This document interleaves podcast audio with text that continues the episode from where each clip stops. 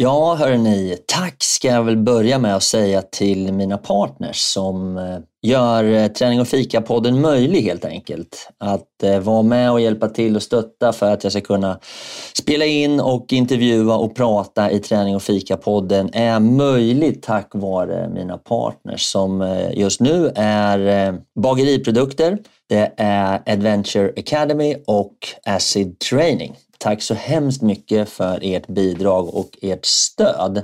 Sen kan man ju då som privatperson också gå in och stötta produktionen genom att eh, ge ett litet bidrag på till exempel Patreon. Det uppskattas väldigt mycket. Där kan du välja mellan att köpa en kaffe svart eller lägga lite mer pengar och köpa en kaffelatte och så fortsätta hela vägen upp till en riktigt härlig brunch. Så ja, tveka inte. Gå in och stötta lite. Det behövs och jag blir glad. Tack ska ni ha. Nu kör vi igång! Hiring for your small business? If you're not looking for professionals on LinkedIn, you're looking in the wrong place. That's like looking for your car keys in a fish tank. LinkedIn helps you hire professionals you can't find anywhere else, even those who aren't actively searching for a new job but might be open to the perfect role. In a given month, over 70% of LinkedIn users don't even visit other leading job sites. So start looking in the right place. With LinkedIn, you can hire professionals like a professional. Post your free job on linkedin.com slash achieve today. Ryan Reynolds here from Mint Mobile. With the price of just about everything going up during inflation, we thought we'd bring our prices down. So to help us, we brought in a reverse auctioneer, which is apparently a thing. Mint Mobile unlimited premium wireless. Ready to get 30, 30, bit to get 30, bit to get 20, 20, 20, bit to get 20, 20, bit to get 15, 15, 15, 15 just 15 bucks a month. So, Give it a try at mintmobile.com/switch. slash $45 up front for 3 months plus taxes and fees. Promo rate for new customers for limited time. Unlimited more than 40 gigabytes per month slows. Full terms at mintmobile.com. Hold up. What was that? Boring. No flavor. That was as bad as those leftovers you ate all week. Kiki Palmer here, and it's time to say hello to something fresh and guilt-free. Hello Fresh. Jazz up dinner with pecan-crusted chicken or garlic butter shrimp scampi. Now that's music to my mouth. Hello Fresh. Let's get this dinner party started. Discover all the delicious possibilities at hellofresh.com. Och nu när jag känner dem, så då förstod jag inte vad de sa, men nu när jag vet hur de fungerar så sa han väl ungefär eh, kolla vad jag hittar. För man tar alltid med sig någonting när man kommer hem. Så när man kommer tillbaka ska man ha med något när man har varit ute och vandrat. Så då hade han med sig en vit människa som de trodde var död. Så det var ju spännande. Så då, Varför var... trodde de att du var död? De har ju inte träffat vita då. Så att de, eh, och när man gräver ner någon i marken så blir den vit när man har dött. Så att de eh, var helt säkra på att ja, men jag är rutten. Jaha hörni, sådär. Varmt välkomna till ännu ett avsnitt av, ja, skulle jag vilja säga, världens bästa podcast med mig, Fredrik Eriksson. Ni har klickat igång Träning och fika-podden. Och hörni, idag ska vi ta oss från Kongo via Göteborg upp i Norrland. Vi ska prata med en tjej som är fett cool och grym som har gjort massa dokumentärfilm och jag älskar henne. Hon heter Linda Westvik. Och henne ska vi babbla med om, ja, både att göra film men också att ta sig ut i djungeln. Så det ska bli svinkul. Så som jag brukar säga, buckle up, nu kör vi igång och varmt välkomna! Tärning och fika, vi kör hårt. Tärning och fika, blåsa på. Tärning och fika går ihop som kaffe och popcorn. Tärning och fika, vi kör på. Tärning och fika, blåsa på. Tärning och fika, nu kör vi! Nu kör vi! Jaha, då sitter jag här med en kaffekopp som vanligt och dricker mitt kaffe. Men idag gör jag det med en fantastisk tjej. Hörru du Linda, varmt välkommen till podden. Tack. Får jag fråga en sak? Mm. Dricker du något kaffe? Inte just nu. Jag vågar inte röra mig du- för att det här... Nej. Vi har haft lite poddproblem här för att komma in i vår studio.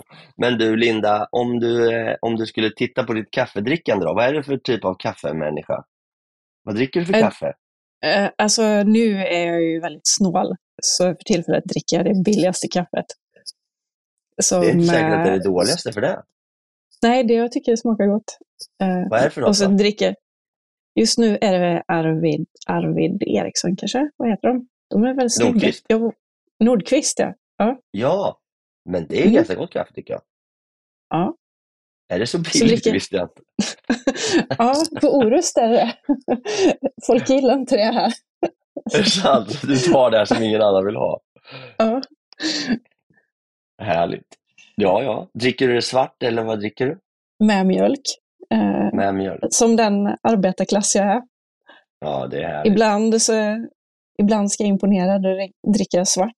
För att eh, de ska tro att jag har en annan klasstillhörighet. Jag, Jag en jävligt ont i magen. Ja, ja. jag gjorde en sån här omstart. När jag drack ju alltid kaffe med mjölk. Och sen så gjorde jag en omstart för sju, åtta år sedan, så jag höll upp med kaffe i ett år nästan. För Mm. att liksom försöka, för att liksom, du vet, så här, känna smaken mer i kaffe. Det är så många som är så kaffefanatiker som pratar om alla möjliga varianter och rostningar och högt och lågt. Och jag tyckte inte riktigt jag kände så här skillnad på kaffe och kaffe. Är du med? Liksom? Och så Mm. drar man i mjölk i så då kan man dricka vilket kaffe som helst. Typ. Så, här. så tänkte jag nu ska jag liksom göra om det här så att jag lär mig smaken på kaffe och blir en liten konnässör. Så då gjorde Okej. jag en sån här långtida inget kaffe. Och sen började jag dricka bara svart kaffe för kanske fem, Okej. sex ja, år sedan. Men jag vet inte fan om jag känner så mycket mer skillnad ändå. Så jag tror helt enkelt jag har dåliga smaklökar om jag ska vara ärlig. Jag tycker Mm. liksom Arvid Nordqvist är skitgott. Idag dricker jag en Gevalia, Gevalia den här Ebony, eh, Ebony, deras Ebony-sort. Men jag känner inte så stor skillnad. Jag har ju hon Linda, den andra Linda som jag brukar spela in podd med, Action-Linda, Mm. hon brukar vara med i min podd ofta. Hon, hon är ju, hon är ju sån här, hon kan inte dricka ett annat kaffe än det som hon, som hon dricker som heter Mollbergs blandning. Det är helt sjukt. Eller? Så när det inte finns hemma, då skickar hon iväg sin man för han åker iväg och handlar kaffe. Det är så jävla roligt. Och Stefan är så snäll så han åker iväg och handlar sån där kaffe. Jag tycker det är fantastiskt roligt. Hörru du, du sa att du var på Orust. Berätta lite grann om dig och berätta lite grann om ditt liv och vem du är och var du bor. Och var, alltså, så vi får förstå vem du är. Jag har ju med dig för att jag tycker att du är världens coolaste och har blivit utsedd till Årets kvinnliga äventyrare 2013. Men det var ju ett tag sedan. Berätta, hur är det status nu? På, alltså, jag bor på Orust. Jag flyttade hit för att eh, min dotter började på Waldorfskola och för att vi skulle skaffa häst och för att jag eh, ja, jag tycker om att leva nära naturen. Och eh, ganska, jag är intresserad av bygg, att bygga. Det är ett annat intresse jag har. Eh, Så att jag ville också skapa ett hem som var ett kravmärkt hem, helt enkelt. Så jag köpte ett gammalt timmerhus och så totalrenoverade jag det. Ehm, Och har renoverat det så ekologiskt jag bara kan. Så att det är som en, eh, ett hobbithus eller en eh, hydda för svenskt klimat. Fast lite lyxig då, för jag har el då. Ja, det är bra. Eh, ja. Eh, och det är ganska varmt. Men hur länge Så- har du hållit på med så, det där? um, Ja, men det har jag nästan gjort. Det har nog tagit nästan hela tiden. Det har nog tagit så tio år. Och sen Mm. eh, håller jag på med mitt eh, andra filmprojekt, ett nytt filmprojekt, eh, som handlar om eh, Sveriges gruv och mineralpolitik och samer i relation till dem. Då. Och även icke-samer. Just det.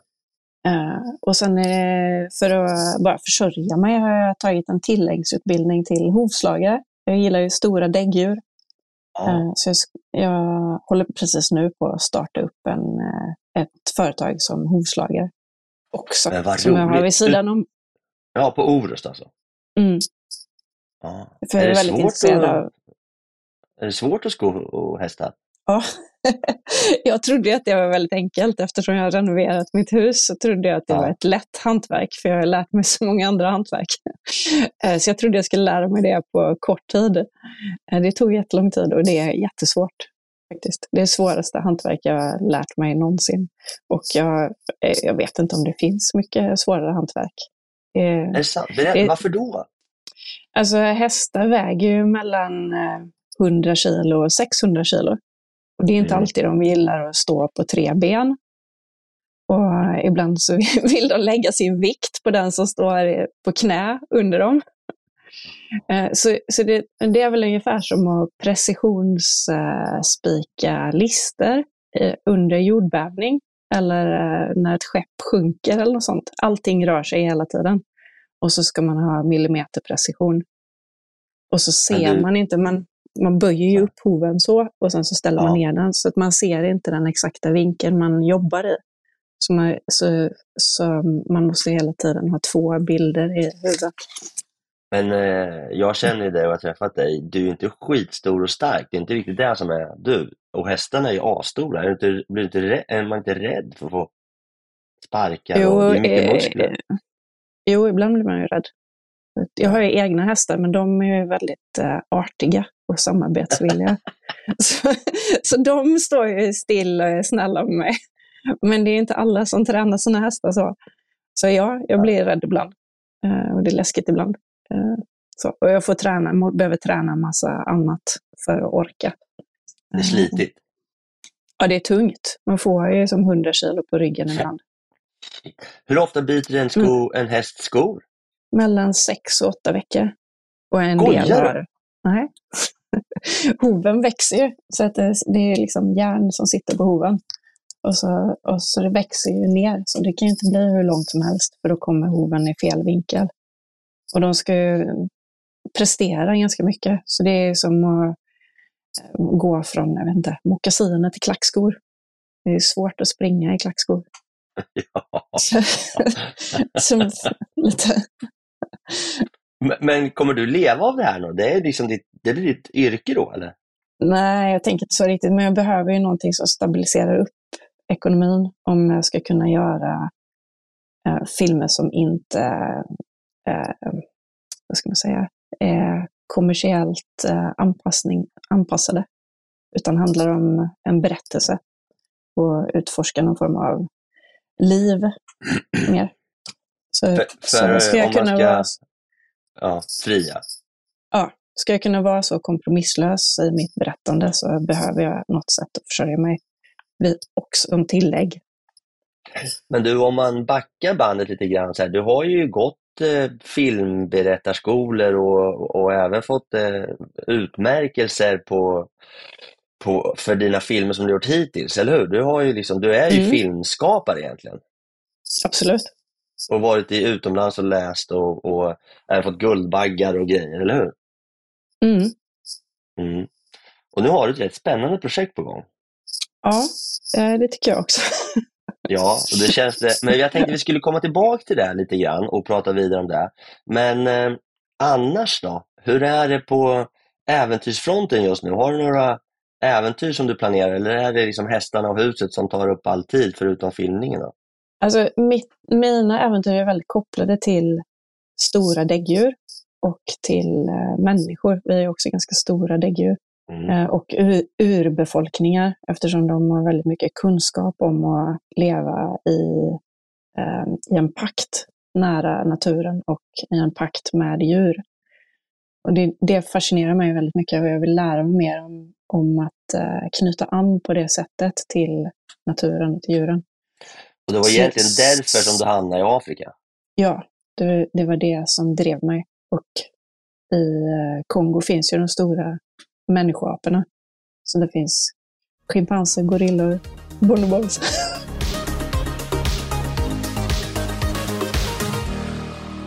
Jaha du Linda, om vi då backar bandet lite grann och säger 2003 någon gång. Jag vet ju att din film kom ut 2013 när du varit årets svenska kvinnliga äventyrare. Då om vi då hoppar tillbaks dit och så packar du väskan och drar från Sverige till Afrika, till Kongo ungefär. Vad hade du tänkt dig då? Berätta, det här tycker jag är helt galet. Hur gammal var du förresten? Eh, bra fråga. Min dotter är ju född 2003, då har jag paus. Så att jag, 2001 är det som jag åker ner. Så eh, 28 ungefär. 27, Mm. 28 Alltså någonting. ganska ja. ung Ja, och själv. Eh, ja, men det finns ju väldigt mycket människor i Kongo. Men själv härifrån eller vad man ska säga. Men berätta det här. Hur, hur, liksom, för du åker ner dit för att börja dokumentera de här, vad heter de, ackerna eller, eller urbefolkningen. Eller åker du dit för att filma djur? Eh, nej, jag tänker så här, jag har hört musik från Ackafolket och, Ja. eh, eh, och, som jag blivit jättestarkt berörd av. För att den var, är så fylld av lek och förundran. Och de har en berättarteknik som inte bygger på att skrämma människor. Vi skrämmer ju, vi har ju nästan inga berättelser som inte har ett element av rädsla eller sorg i sig. Eh, och jag var ganska trött på det och blev så himla berörd av att de bygger sin kultur på glädje och lekfullhet och gör aktiva val att behålla det i livet. Så det blev jag eh, känslomässigt jätteberörd av och bestämde mig i affekt att jag skulle leva med de människorna. För att lära mig hur de fungerar. Hur har de byggt sitt samhälle och hur fungerar de i sina relationer och så så plus då att de lever i nära samklang med eh, en helt fantastisk natur i den skogen. Och det här är i Kongo? Så, ja, det är Kongo, den skogen som sträcker sig över Kongo, Centralafrika, Kongo, Zaire och eh, över till andra sidan. Men då måste jag bara fråga som är lite mer praktiskt lagd äh, än, än dig kanske, inte vet jag. Men jag bara känner, hur får man till det här? Man är typ 30 bast och tycker man ska åka dit och filma någonting. Ja, då tänker man så här att eh, de tycker nog att jag är ganska konstig. För att de har inte träffat... Det enda jag fick reda på om dem, det var att det hade varit en missionär hos dem som hade blivit lämnad i skogen och fått eh, gå i så, två veckor utan att hitta mat. Så det var bara på håret att han överlevde. Och ingen annan hade klarat att leva med dem. Så de var snälla, men de övergav folk de inte gillar i skogen.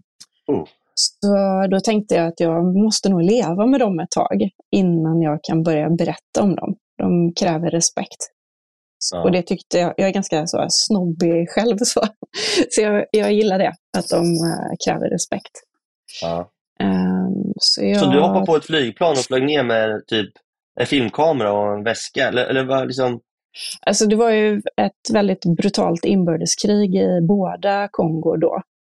Så då eh, och jag har vuxit upp i efterkrigstid, så bara helt naturligt så gjorde jag research på hur en måltavla såg ut i den krigssituationen. Och Mhm. vit, kvin vit kvinna var inte måltavla då. Så jag hade inte med mig speciellt mycket utrustning eftersom eh, krig handlar om pengar. Och människor Ja. har gått över gränsen att döda människor. Så om jag signalerar pengar så kan man vilja döda mig. Så alltså tog jag inte med mig något dyrt. Eh, Jag köpte ett flygfoto från 20-talet. Det fanns inga kartor. Nej. Det fungerade jättebra. Är det så? Eh, Ja, Så då kommer du till Kongo. Vad heter, vart, vart i Kongo flyger man in då? Eller vad gjorde du då? Jag tycker det här är helt magiskt. Du åkte dit? Alltså, alltså först så försökte jag, jag tänkte att jag skulle ta mig in via Rwanda först, för att det var så mycket flyktingströmmar där. Så då tänkte jag att jag skulle komma från den, den, det hållet. Och så finns ju hela floden som flyter neråt. Så jag tänkte att jag skulle ta mig in via Rwanda och så ta mig via floden neråt och sedan upp i skogen.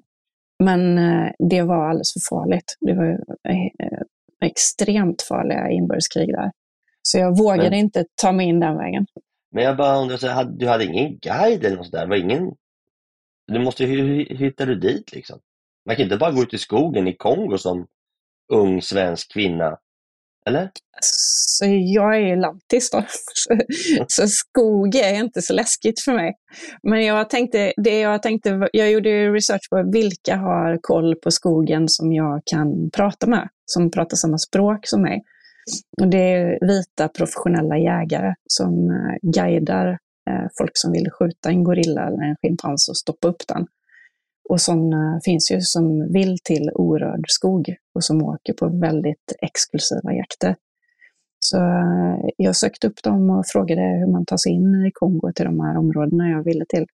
Eh, och de tyckte det var kul.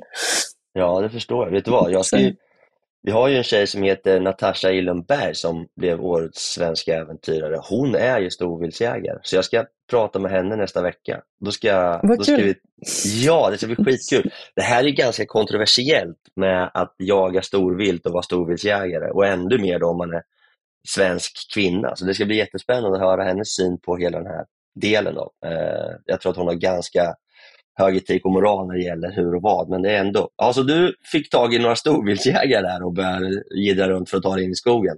Följer de med dig in Ja. i skogen då eller? Nej, men de hade väldigt bra koll, så de visste vilka flygbolag, eller det är inte ens bolag, utan det är speciella piloter som har koll på Ja. vart man flyger och var man kan landa i nästan alla, alla lägen. Så, så de hjälpte mig med kontakter. Eh, och det enklaste var att åka in från andra hållet, så jag åkte in via Yaoundé i Kamerun. Och Okej. eh, eh, fick hjälp av presidentens säkerhetsstyrka.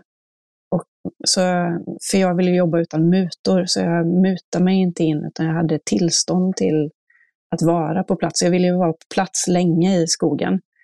Så om jag, skaffar, om jag mutar människor så får jag ju gangsters efter mig. Då blir jag en bra affär. Och i den situationen så är det verkligen livsfarligt. Men så du tog ett plan och så landade Så- du någonstans mitt i skogen. Och sen då så gick du rakt ut i skogen eller? Nej, jag tog ett plan till Yaoundé i eh, Kamerun, som är den ekonomiska huvudstaden. Skaffade alla tillstånd som gick att få. Sen tog jag en eh, lokal buss, som alla andra åker med, och åkte till vägen tog slut. Och eh, så hade jag tur. När vägen tog slut så var det en väldigt kort man i en Helly Hansen-jacka som var väldigt full och hade vassa tänder. Och blev Nej. väldigt glad för att se en vit kvinna. Och jag blev väldigt glad för att se den här korta mannen med vassa tänder. Så, och han var väldigt full och eh, eh, pratade intensivt med mig och ingen ville översätta.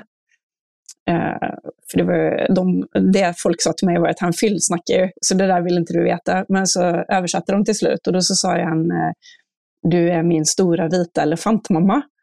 Eh, och eh, jag är så glad att se dig. Och då visste jag att elefanter var deras heliga djur som de följer. Så jag blev jätterörd över den här fantastiska komplimangen och blev så helt överlycklig. Och det såg ju han, så, så, så då frågade han, vill du ha en avokado? På så här eh, knagglig fransk. Och då så sa jag, ja, visst. Och sen så gick vi bara rätt ut i skogen och jävligt långt till det här eh, avokadoträdet. Eh, och så hade jag alldeles för mycket grejer med mig då. Jag hade väldigt mycket att bära på. Och sen eh, gick vi till hans eh, familj och vänner som han levde med. Och nu när jag känner dem, så då förstod jag inte vad de sa, men nu när jag vet hur de fungerar så sa han väl ungefär eh, kolla vad jag hittar. För man tar alltid med sig någonting när man kommer hem. Så när man kommer tillbaka ska man ha med något när man har varit ute och vandrat. Så då hade han med sig en vit människa som de trodde var död. Så det var ju spännande. Så då, Varför var- trodde de att du var död? De har ju inte träffat vita då. Så att de, eh, och när man gräver ner någon i marken så blir den vit när man har dött. Så att de eh, var helt säkra på att ja, men jag är rutten. Så de Du var en död elefant. Ja, eller först var jag en död elefant, sen var jag en död ande. Och sen när de såg att eh, fastän det var så jobbigt för mig att vara i skogen, så var jag alltid väldigt glad för att vara där. Så då trodde de att jag var en återfödd person från, eh, från dem. Så de, de försökte kartlägga vem jag var. Men du, Eh, varför var det så jobbigt att vara i skogen? I djungeln? Alltså det är ju 40 graders värme, 100% luftfuktighet, eh, väldigt mycket mygg, eh, myror, helt annan diet. Och man får jaga och samla och de älskar musik. Så att det, de, det känns som att eh, det är nästan aldrig tyst i deras samhälle. De var väldigt nyfikna på mig, så jag hade aldrig något privatliv. Även om jag gick på toa så satt det en grupp ungar och tittade på mig i skogen och gömde sig. Så att, eh, det, var, det är väl eh, kanske de hårdaste grejerna. Och så var det en Var det miljö, är en miljö, som jag Ja. var helt ovan vid. Det var ju som att åka till rymden. Men va, var du Mm. aldrig rädd? Jo, jag var rädd, men det var inte det. Alltså, om vi bara ska prata om vad som var hårt att hantera, så var det mer hemlängtan. Att jag, kunde, jag, blev, jag saknade ju människor som jag älskar i, hemma. Jag var ju där ganska länge. Så, och jag började ju älska de människorna, men det var ändå så att jag saknade människor hemma. Och sen var jag hemma i en omgång och födde barn, så jag saknade min egen dotter väldigt mycket också. Så det var ju det tuffaste, när allting var nytt och jag inte kände igen mig någonstans. Men sen var det ju som att leva i, eh, jag vet inte, full, full förundran. Det var ju som magiskt hela tiden. Är djungeln någonsin tyst? Nej.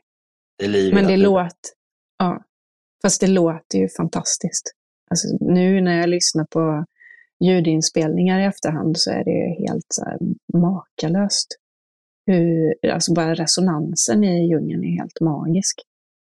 Så ljudtekniker och så som inte har varit där som lyssnar på det blir ju alldeles så här, men herregud, vad är det här? Hur har du fått det här ljudet?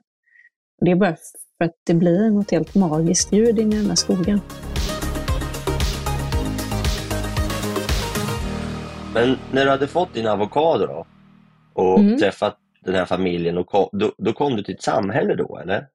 Eh, Jag kom till en, en grupp om kan, ja, cirka 30 personer som eh, levde på en plats. Eh, de, just då, då, då var de ju fortfarande helt och hållet nomadiska. Så de bodde på en plats mellan en månad och tre, fyra månader. Och sen gick de vidare till en annan plats. Eh, Och då följde så de hade ju, ja, Hur länge var du där? Då? Första svängen? Allra första svängen så var jag där i fyra månader. Och då var jag, det är lite kul, Eh, då var jag väldigt idealistisk och var vegetarian. Eh, Och jag skulle ju då leva med en nomadisk jägarbefolkning som vars det är kött och lite blad. Ja. Eh, Så gick det? då åt, nej det gick inte så bra. Jag började svälla upp. Jag blev liksom så här jätterund och stor. Och så trodde jag att jag hade fått eh, elefantiasis. Eller någon annan parasit som var läskig. Eh, så då, eh, då tog jag mig tillbaka till huvudstaden och eh, träffade en tysk läkare och sa att jag hade varit i djungeln och levt med Akafolket. Och, och det var ju ganska svårt att ta sig ut av, för att det var ju så mycket krig. Det, BBC och sådana kom in, lyckades inte ta sig ut. Så han trodde att jag ljög. Så han sa bara, du är sinnessjuk, du måste åka, du kan inte vara kvar här. Så då, eh, och jag var ju rädd, jag trodde jag var sjuk på riktigt. Så jag, då åkte jag tillbaka till Sverige, till infektionskliniken i Jönköping, som blev jätteglada. De trodde att jag hade någon spännande parasit. Nej. Eh, Men det hade jag ju inte. Så de gjorde alla tester de kunde på mig och de, de är jätteduktiga där för de har tagit hand om alla missionärer i många år. Ja, just det.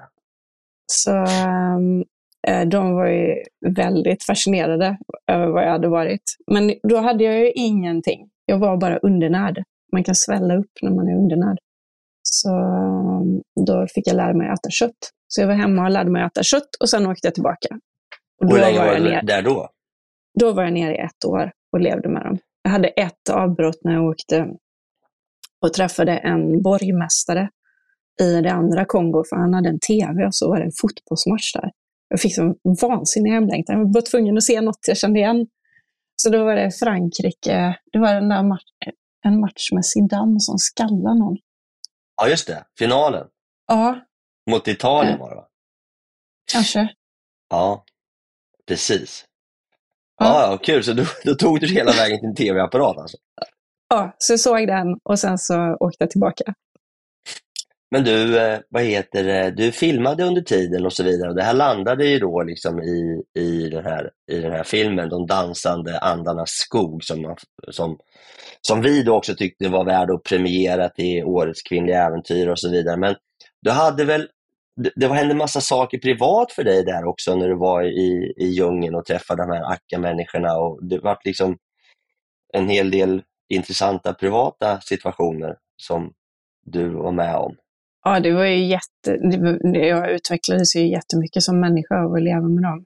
Um, och en stor grej som hände, det var ju just det här att jag vuxit upp utan pappa och är helt eh, övergiven av min biologiska pappa.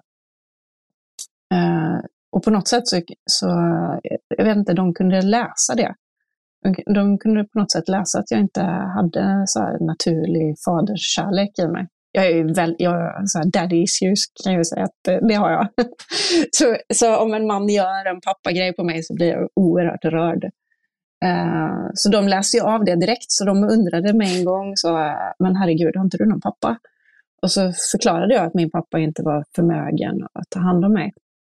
Och då, då undrade de, men, men det är väl inget problem, har inte andra män tagit hand om dig då? För så gör de. de har, och eh, då var ju mitt svar bara, nej, det funkar inte så hos oss riktigt. Så då, och då svarade de direkt, okej, okay, men då är vi dina pappor. Så jag fick mina, mitt livs första pappor där. Hur gick det till? Vilket, Vad hände då? Ja, men de bara så här, ja, men så som pappor gör, att de tog lite extra ansvar, kollade till att jag mådde bra, hjälpte mig om det var något och skyddade mig när jag gjorde för klantiga grejer. Och, och bara fick mig att känna mig älskad och sedd. Eh, så. Eh, dansade med mig och utsatte mig för saker som jag behövde bli utsatt för i skogen. Eh, och bara gav mig en känsla av att jag var inkluderad i deras familjesystem. Har de en liknande struktur som vi har liksom i familjer och, och sådär? Eller är det, har de en annan syn på hur en familj fungerar? Nej, de är väldigt lika oss. Att de har en partner och eh, mm. eh, dedikerar sig till den. Sen så är de ju nomadiska och både kvinnorna och männen går på långa vandringar. Så de har ju situationer när de lever utan varandra i längre perioder.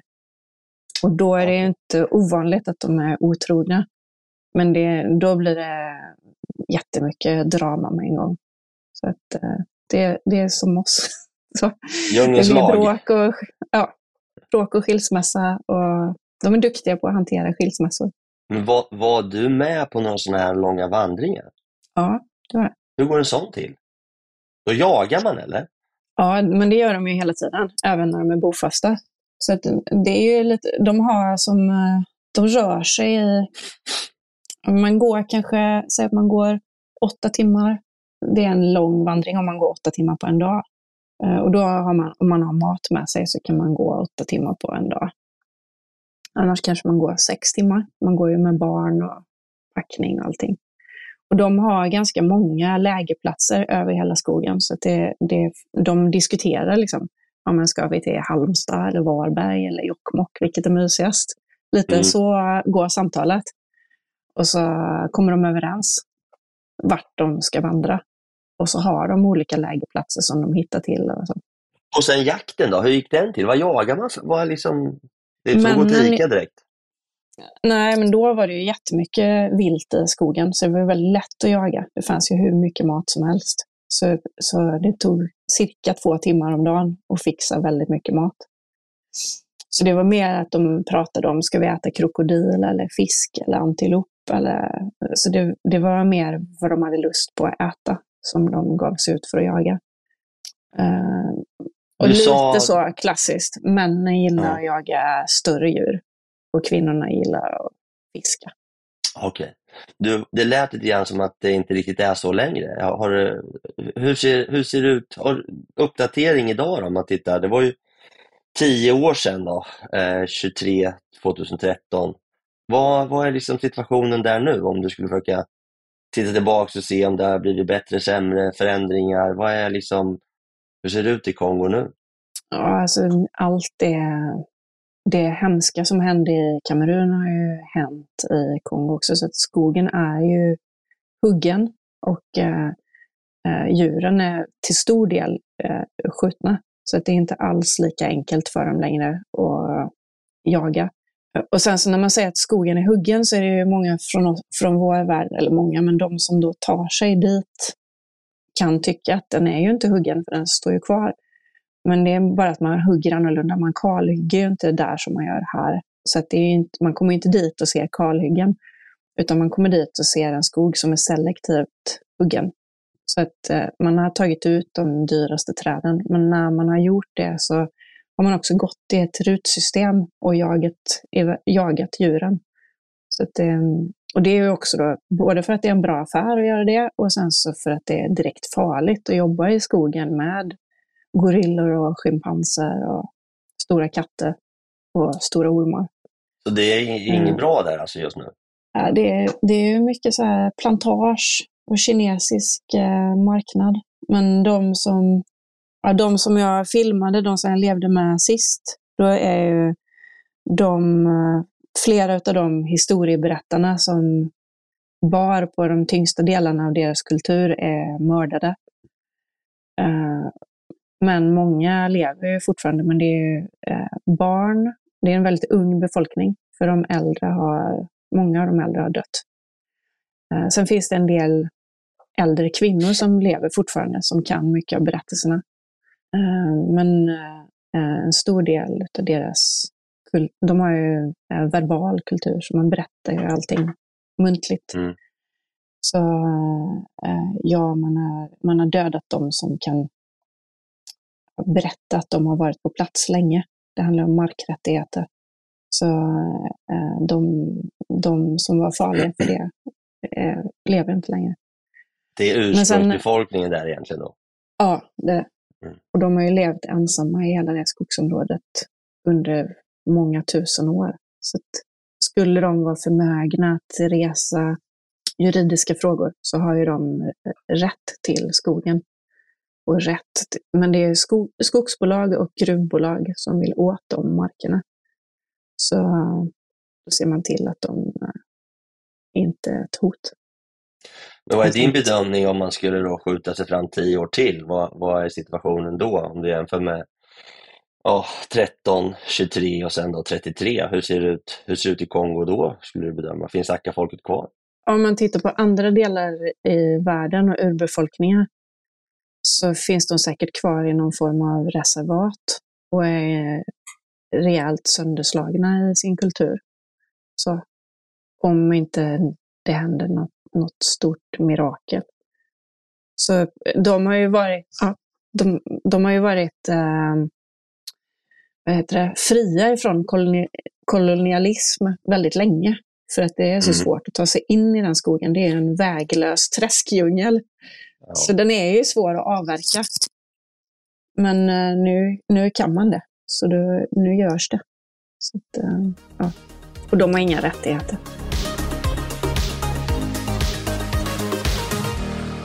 Ja du Linda, fan, man kan ju bli helt knäckt av att höra på storyn och situationen i Kongo och, och, Afrika. Det är verkligen som man kan börja tjura nästan och tycka att livet är värdelöst. Så det är skittråkigt och jag tycker det är så fint gjort av dig att du har varit där och dokumenterat så vi får en möjlighet att titta på det och se hur det ser ut och veta hur det har varit och, och kanske någonstans ändå försöka spjärna emot i den mån vi kan mot stora företag och korrumperade regeringar och så vidare.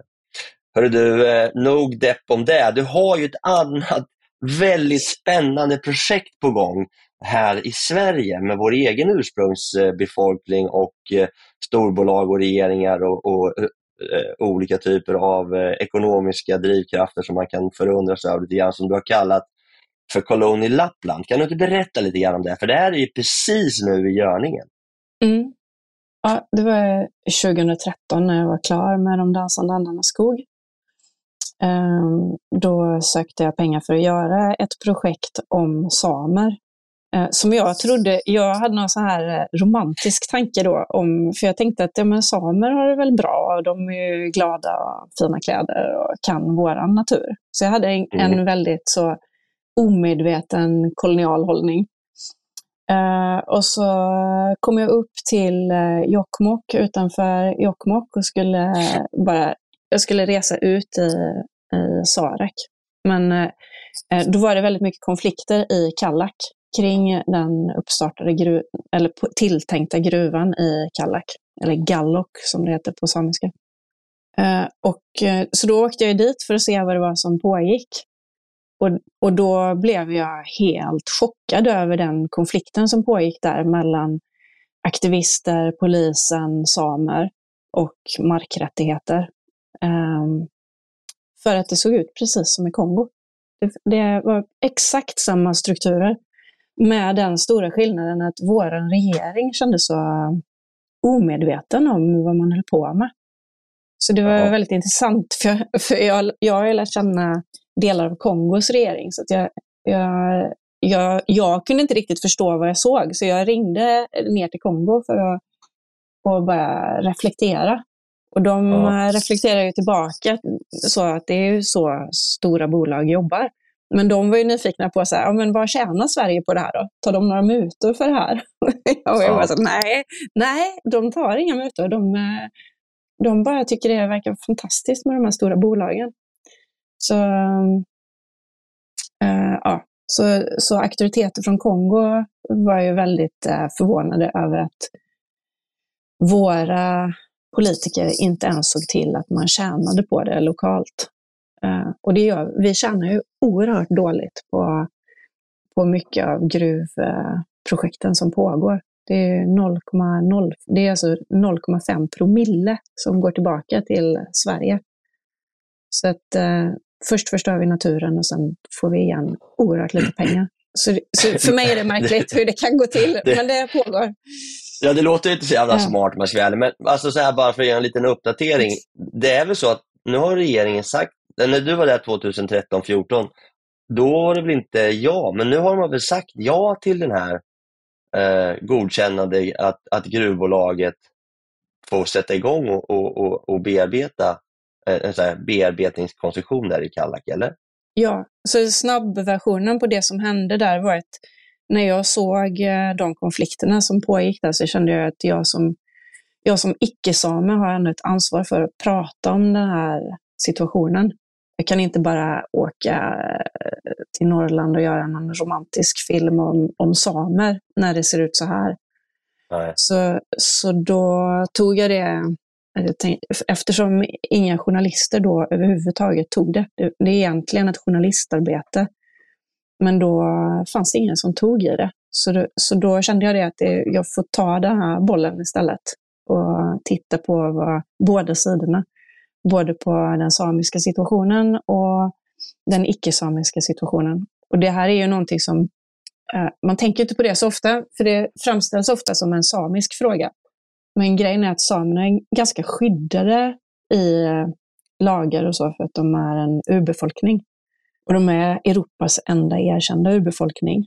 Och de har, har specialrättigheter på grund av det. Så när de kan bli drabbade och ifråntagna sina marker på grund av gruvverksamhet så kan precis vem som helst i hela Sverige bli drabbad.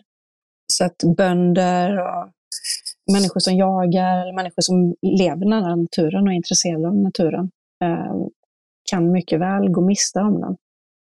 Så, så det är någonting som man ofta inte tänker på, att, att om det drabbar samerna så kan det drabba mig också. Så, Men, men jag men i alla fall där. Det, ja, men det är, det är egentligen primärt då så är det naturen och rennäringen som man vill skydda. Och där Unesco och, och alla de här har varit inne och, och tittat på det här. Och, och liksom, det finns ju ändå en kravlista om jag har förstått hela rätt nu i samband med de här besluten att, att det ska ersättas på något sätt. Så, så någonstans har väl ändå en ganska, det har varit en ganska tydlig strid om det här, eller? Alltså det har, det har inte gått Den- obemärkt förbi i alla fall, eller? Alltså den ska-listan, det är en Mm. lista som eh, Det är den Alltså- Unesco som har varit med om, som jag läste om. Ja, men den ska-listan är juridiskt väldigt tunn. Så, Mm. så det är mer ett politiskt, eh, vet du, politiskt luftslott som låter, låter som om man tar ansvar.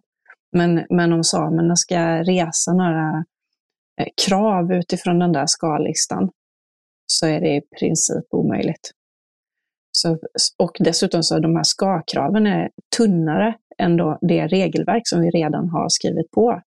Som vi Ja. absolut ska följa. Vad kommer hända nu då? Så, man vet ju inte riktigt, för sa, det är ju väldigt, väldigt spännande för samebyn Jokkokaska som är den som blir mest drabbad i det här. De har ju stämt svenska regeringen nu för det här beslutet. Och det första, första slaget som pågår just nu det är att de har stämt dem bara att själva beslutet att säga ja till gruvan är taget på ett sätt som inte följer den demokratiska eh, principer. Det är det, det är den första, ja det är väldigt spännande och väldigt kaxigt att samerna stämmer svenska regeringen. Så, Ja, vi är väldigt stolta Det- för vår demokrati. ja, Bra drag. ja. Och de är du, också väldigt backade. Ja, Så ja, det, det är ett otroligt historiskt spännande slag. För att de har ju eh, kraftfulla krafter bakom sig.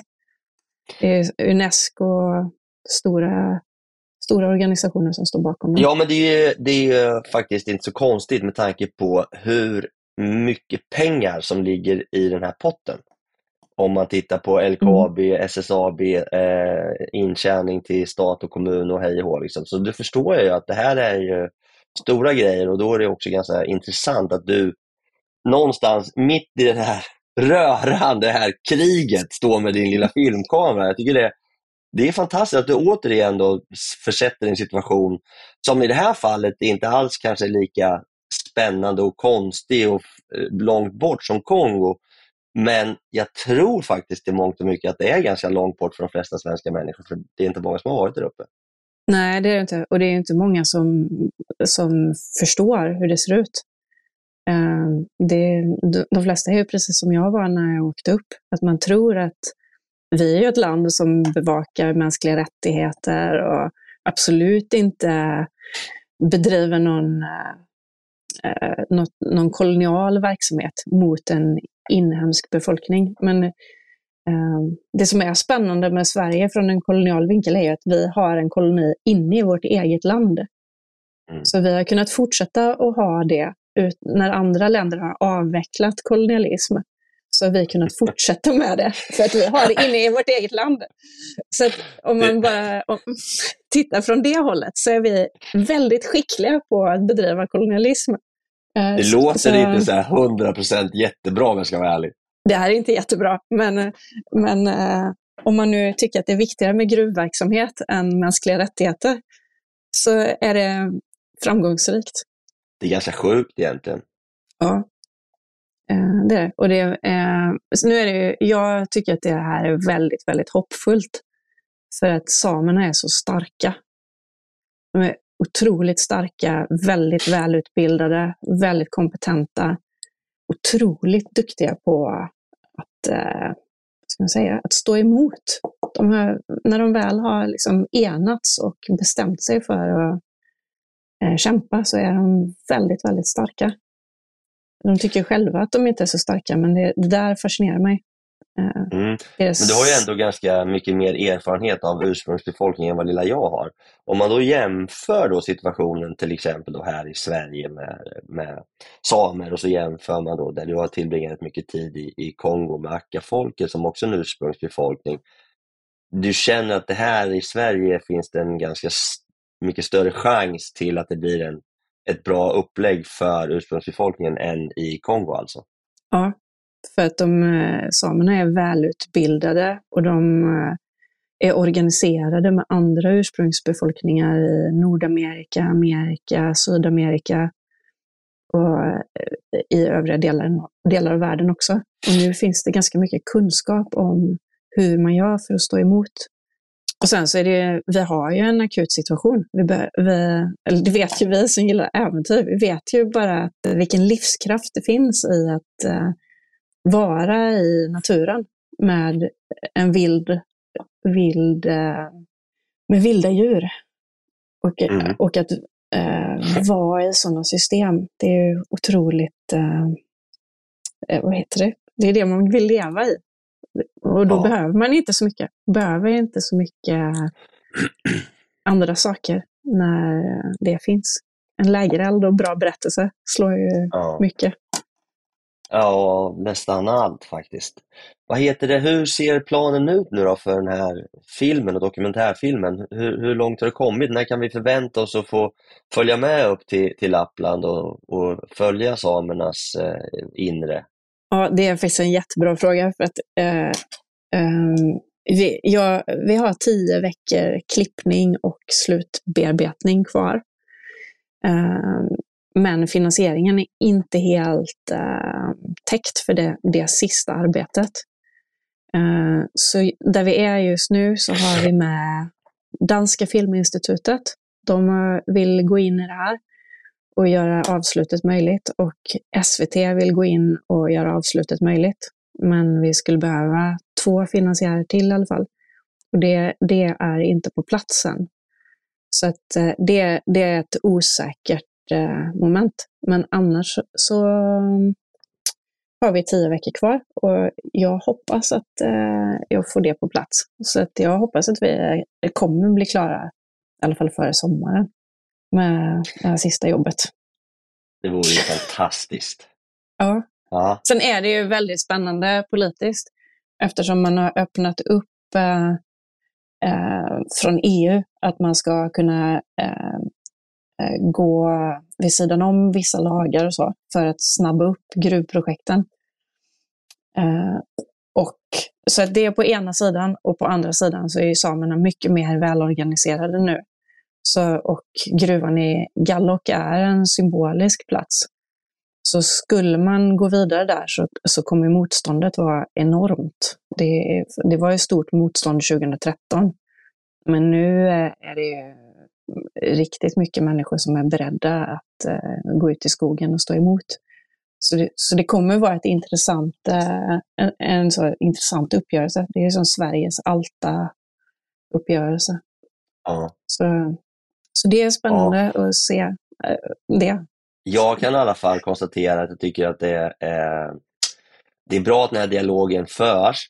Och jag som någonstans i, i, liksom i, i, min, i mitt DNA tycker om en öppenhet och en, en demokrati men också en tillgänglighet eh, framförallt i naturen kan ju tycka till viss del att man måste välja sina fighter. Men ju mer jag läser på mig om den här, den här diskussionen så förstår jag ju också då samernas fight för det här och det ska bli väldigt spännande att se vart det tar vägen och det ska bli väldigt spännande att se din film så småningom.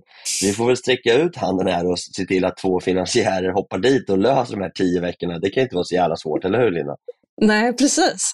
det tycker jag också. Också när det är så fina finansiärer som är med sedan innan. Danska Mm. Filminstitutet och Svenska Filminstitutet och SVT. Det är ju fina, fina instanser. Du är en fin människa Linda. Jag är så glad att jag har fått eh, prata med dig och höra lite grann om dina äventyr och dina projekt och så vidare och även att du har delat med dig så öppenhjärtigt som du har gjort. Så jag är jätteglad och tacksam för det. Men framförallt så håller jag tummarna nu att eh, du inte blir sparkad av någon häst eller att du får brist på pengar och bara får hålla på och snickra på huset. Så att vi får se den här filmen eh, snart. Och stort, stort, stort tack Linda och ha en fantastisk eftermiddag nu. Tack själv. Det var väldigt kul att vara med.